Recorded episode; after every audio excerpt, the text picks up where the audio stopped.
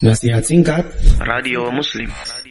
Kemudian kata Syekh bin Muhammad bin Saleh Al Utsaimin setelah beliau mengatakan hendaklah seorang itu memiliki himmah aliyah. Yang kedua adalah an yunfiqa min atyabi mali.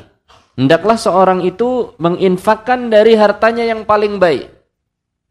Ya, harta dia yang baik. Harta yang paling baik. Ini yang kedua. Yang ketiga, wa mimma yuhibbu min malihi. Dan menginfakkan harta yang dia cintai.